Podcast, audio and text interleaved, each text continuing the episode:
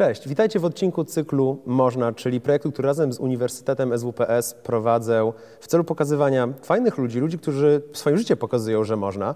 Dzisiaj moim gościem jest Martyna Banasiak, która robi bardzo dużo rzeczy. Studiowała coś związanego z psychologią. Zaraz do tego przejdziemy, bo to jest wyjątkowy kierunek.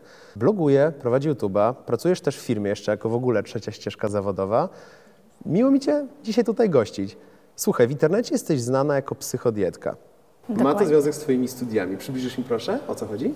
Em, dokładnie jest tak, jak mówisz. Psychodietka to jest mój pseudonim w internecie, a tak naprawdę początkowo to, był, to była nazwa mojego bloga.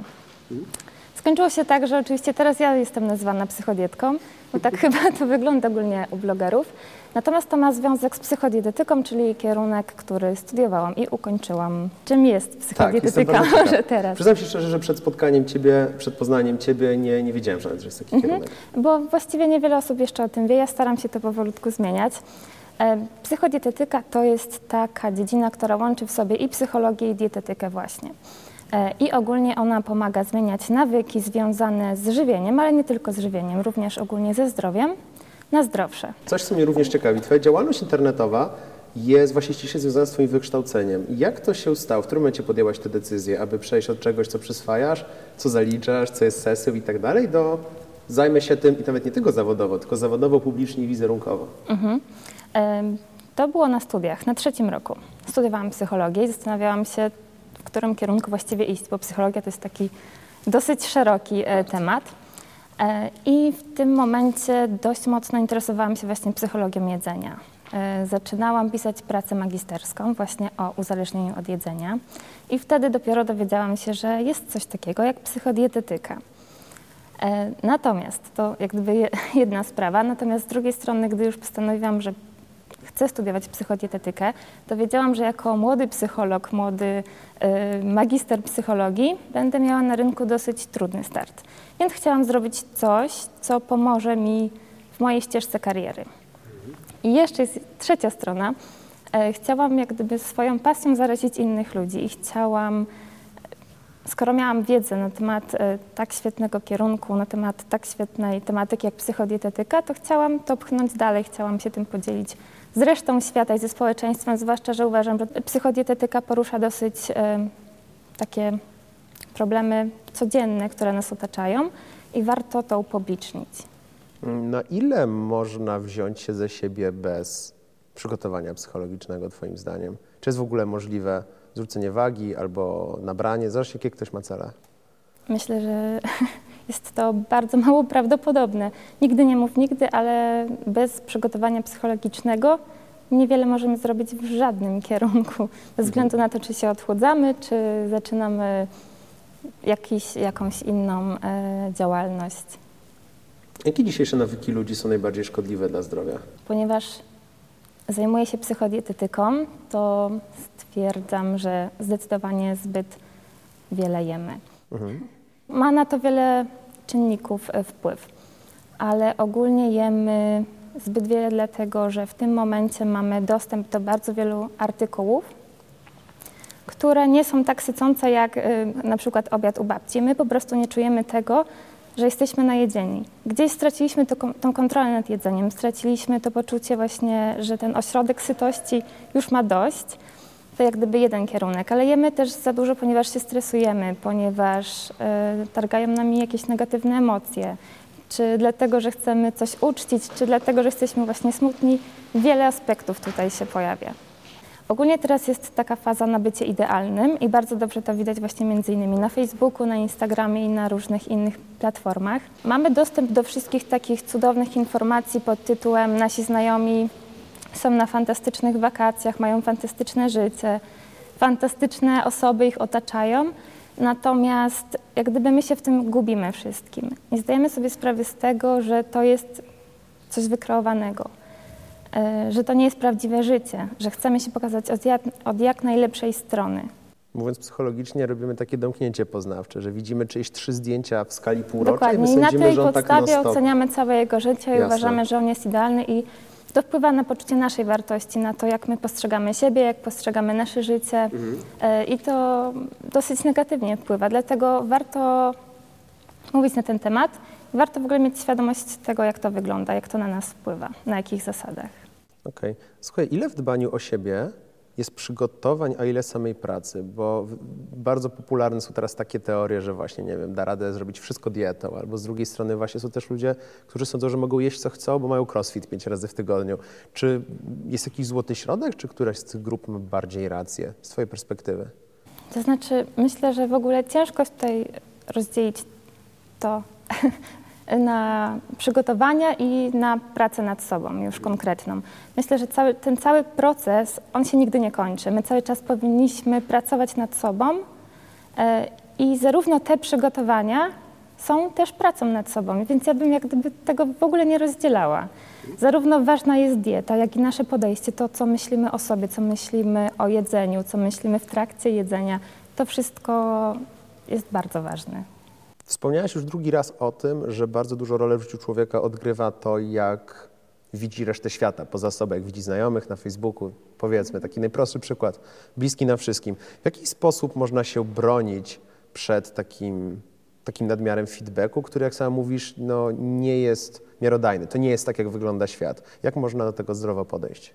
Bezpośrednio o jakiejś obronie nie możemy mówić, natomiast możemy trochę zmienić podejście do tego wszystkiego i nastawienie. I przede wszystkim musimy mieć tą świadomość, że to nie są realia do końca, że to wszystko to jest profesjonalne przygotowanie, jak na przykład w wypadku blogerów czy youtuberów, czy po prostu chęć pokazania się z jak najlepszej strony, żebyśmy po prostu mieli jak największą tego świadomość, że nie jesteśmy idealni, nikt nie jest idealny ani w internecie, ani na żywo.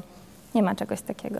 Mam takiego znajomego, który każdą wolną chwilę przesiaduje grając w gry, ale co sobotę biega i co sobotę wrzuca tylko fotkę z biegania. Jest jego jedyna rzecz no na Facebooku i wszyscy mają poczucie, że on to po prostu jest, wiesz, No mniej więcej tak to właśnie nie? wygląda. A propos jeszcze medialnych rzeczy, bo to jest coś, co mnie też prywatnie bardzo interesuje. Mm, mniej więcej co tydzień jest jakaś nowa dieta. A powiedzmy, że co pół roku jest taka, o której napisał wszystkie media, że to jest nowy złoty środek, a potem w czwartek się dowiemy, że od mango się chudnie, a potem w czwartek jeszcze po tygodniu, że od migdałów. Jak z tym sobie radzić? Przede wszystkim czytać mój blog. E, I tutaj znowu się powtórzę, ale nie jesteśmy w stanie zmienić świata, nie jesteśmy w stanie zmienić informacji, które do nas napływają. I tak będzie. Będą, będą kolejne diety, będą kolejne cud e, suplementy, cud metody, ale coś takiego nie istnieje i musimy po prostu o tym pamiętać i zachować tutaj rozsądek. E, I zwiększanie świadomości społecznej to chyba jest jedyna droga, tak mi się wydaje. Czy chociażby takie opowiadanie koleżanki, jak to wszystko wygląda, rozmowa między właśnie znajomymi, po prostu przekazywanie informacji i zwiększanie świadomości. Jakie jest Twoim zdaniem najszerzej rozpowszechnione mylne przekonanie na temat odchudzania się? To jest coś zaskakującego, co powiem teraz, ale ogólnie moim zdaniem samo hasło odchudzanie się jest już mylnym pojęciem.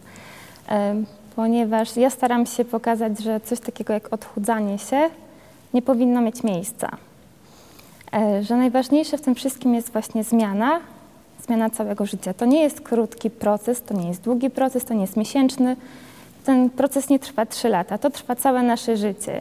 I rozpoczyna się w momencie, gdy właśnie sobie pewne rzeczy uświadomimy i trwa przez cały czas. Czyli bez zmiany nawyków, bez zmiany mm, naszych przyzwyczajeń, jakiś tam nawet sposobu na spędzanie wolnego czasu, ciężko będzie tylko dodać do swojego życia, ok, od dzisiaj się odchudzam i sądzić, że to będzie długotrwałe. No to w ogóle nie będzie działało. Raczej nie.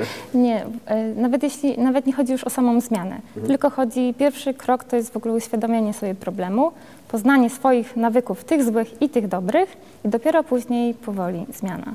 Wiesz co, chciałbym jeszcze wrócić na chwilę do tego, co robisz w internecie. A, znaczy, mówisz, nawet cały czas rozmawiamy o tym, co robisz w internecie, tylko stricte jakby o Twoim sposobie na komunikację. Masz bloga i masz YouTube'a. Interesuje mnie to, czy swoją wiedzę psychologiczną używasz też nie tylko przy przygotowaniu merytorycznym swoich treści, ale i przy samej pracy. nie da się tego uniknąć. E, żebym tutaj nie została posądzona o manipulację czy coś w tym stylu, ale myślę, że sam fakt, że studiowałam psychologię, wpłynął na to, że mam ogromne poczucie tego, że wpływam na społeczeństwo, takiej odpowiedzialności e, za to, co mówię, w jaki sposób. Muszę wiedzieć, kto jest moim odbiorcą, muszę o tym pamiętać, że to rzeczywiście ma wpływ na młodych ludzi, na starszych ludzi i że to może mieć wpływ na ich życie, na ich poczucie własnej wartości, więc taka odpowiedzialność społeczna to jest raz. E, to tak bardziej na mnie wpłynęło e, i na to, co piszę. Um, ale też na przykład pamiętam te wszystkie hasła, że te wszystkie hasła typu nigdy, zawsze, wszyscy, żaden, e, trzeba absolutnie wrzucić do kosza i ich zupełnie nie używać, bo to nie ma sensu. E, tak samo na przykład z hasłem musisz, gdzie wielu coachów, wielu trenerów, którzy nauczają w internecie, nie tylko w internecie, nauczają jak żyć, właśnie mówi konkretnie, musisz zrobić to i to i to, żeby rozwiązać swój problem. Co nie ma sensu, e, bo od razu między nadawcą a odbiorcą gdzieś tam powstaje ściana, powstaje opór e, i lepiej użyć takiego stwierdzenia jak warto. Ty masz wybór, możesz iść tą drogą, ale nie musisz zamiast kogoś zmuszać do robienia pewnych rzeczy. Wydaje mi się, że dzięki swojej wiedzy jesteś nie tylko mądrzejszym twórcą internetowym, ale też jesteś o wiele bardziej oblataną odbiorczynią internetu również. Czy mogłabyś się podzielić jakąś Twoją metodą, po czym poznać, że warto słuchać daną osobę? Jak sama wspomniałaś, że można na różne rzeczy natrafić. Jedną rzecz, którą zasugerowałaś, to żeby uważać na nadawców treści w stylu to jest jedyna metoda, mhm. ma trzy kroki i nie wolno jej zmieniać. Czy jeszcze coś Ci przychodzi do głowy? Myślę, że warto w ogóle sprawdzić, czy ta osoba rzeczywiście jest taka, jak jej wizerunek w internecie czy w innych miejscach. W sensie, czy to, co ona przekazuje na blogu, na YouTubie, rzeczywiście pokrywa się z tym, jaka gdzieś tam może jest prywatnie.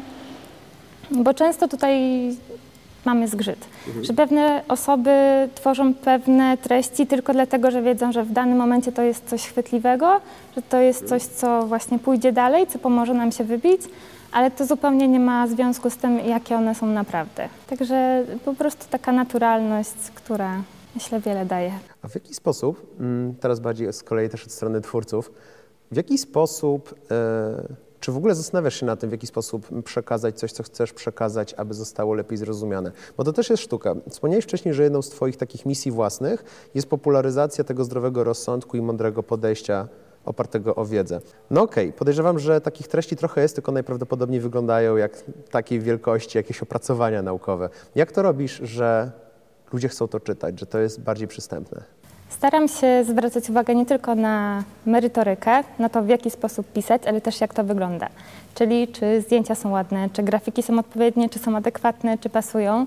Bo wiadomo, że jeśli coś jest ładne, to jest lepiej przyswajalne i po prostu chce się w to klikać, chce się to czytać, chce się to oglądać. A jeśli chodzi też o treść, to staram się mówić prostym językiem zwięzłym, tak żeby wszyscy zrozumieli. Nie każdy jest po studiach, jeszcze mam też widzów, którzy są nastolatkami, które, którzy dopiero się uczą, którzy nie mieli styczności z psychologią e, i różnymi takimi hasłami związanymi z psychologią, dlatego też staram się zwracać na to uwagę. A czy jest jakaś spora z Twojej perspektywy jako twórczyni różnica między pisaniem bloga a YouTube'a? Tak, wydaje mi się, że YouTube jest taki bezpośredni, że rzeczywiście ten odbiorca ma wrażenie, że jesteśmy obok niego, że mówimy do niego, e, że to nie jest jakaś przypadkowa osoba, która jest w internecie, tylko wie, że to jesteśmy my, utożsamia się jakoś z tym, co mówimy. E, I ten kontakt rzeczywiście jest taki bliższy i też o wiele więcej feedbacku dostaję właśnie na YouTubie, chociaż na blogu też bardzo dużo dostaję feedbacku, ale na YouTubie są taki właśnie bardziej bliższy, przyjazny. Ale też różnica jest taka, że na YouTubie jestem o wiele bardziej oceniana, bo tutaj już wchodzi w grę nie tylko właśnie treść, e, ale też mój wygląd, to jaka jestem, jaką mam osobowość, w jaki sposób mówię, co nie wszystkim może się podobać, więc są plusy i minusy. Czyli jak sama wspomniałaś z tymi ocenami, to trzeba w, każdą stronę uważać, zarówno jak ty sama oceniasz to, co widzisz i to, że do ciebie coś będzie pisane. Trzeba złapać dystans. Wiesz co? A ostatnie pytanie. Robisz to, co robisz już nie od dzisiaj. Jesteś trochę w blogosferze, już parę filmów nagrałaś. Będzie dwa lata. Będzie dwa lata już? Gratulacje. To jest, to jest niezły wynik. A co napawia Cię optymizmem? Co sprawia, że z optymizmem patrzysz do przodu teraz? E, w kontekście tego, co robię w mhm. internecie. E, to, że jestem tutaj na przykład, e, że mogę właśnie rozmawiać z Tobą, że mogę robić o wiele więcej niż robiłam wcześniej. Natomiast bardzo dużą radość sprawia mi właśnie mm, to, gdy ktoś docenia moją pracę. To zarówno z tej strony profesjonalistów, czyli ze strony blogosfery, jak na przykład to, że byłam w rankingu Tomka Tomczyka, chociaż co prawda tylko w nadziejach, ale kto tam wie, co tam będzie, czy to, że byłam w rankingu tych e, blogów o zdrowym odżywianiu najlepszych, czy to, że mogłam powiedzieć trochę o swojej działalności, chociażby w programach śniadaniowych, ale też bardzo dużo przyjemności i naprawdę dużo radości sprawia mi feedback od moich czytelników, od moich widzów, od moich odbiorców, bo oni rzeczywiście sprawiają, że to, co robię, ma sens. Bo jak gdyby ocena profesjonalistów to jest jedno, ale to, czy to rzeczywiście ma sens, czy to rzeczywiście działa, to dowiaduję się od właśnie od swoich czytelników. Taką sobie przyjęłam taktykę, że chcę szerzyć psychodietetykę w Polsce. Chcę ten temat trochę rozwinąć i chcę w ogóle zapoznać ludzi z nim, bo niewiele właśnie na ten temat mówimy. I myślę, że to działa, bo coraz więcej ludzi idzie w tym kierunku, coraz więcej dostaje wiadomości, coraz więcej pozytywnych komentarzy. To na pewno mnie napawa optymizmem. Życzę Ci w takim razie, żebyś w dalszym ciągu osiągała te cele. Linki do Ciebie, wszelkiego rodzaju skierowania będą w opisie tego naszego wywiadu tutaj i dziękuję Ci pięknie, że znalazłaś czas. Dzięki serdeczne, bardzo mi było miło.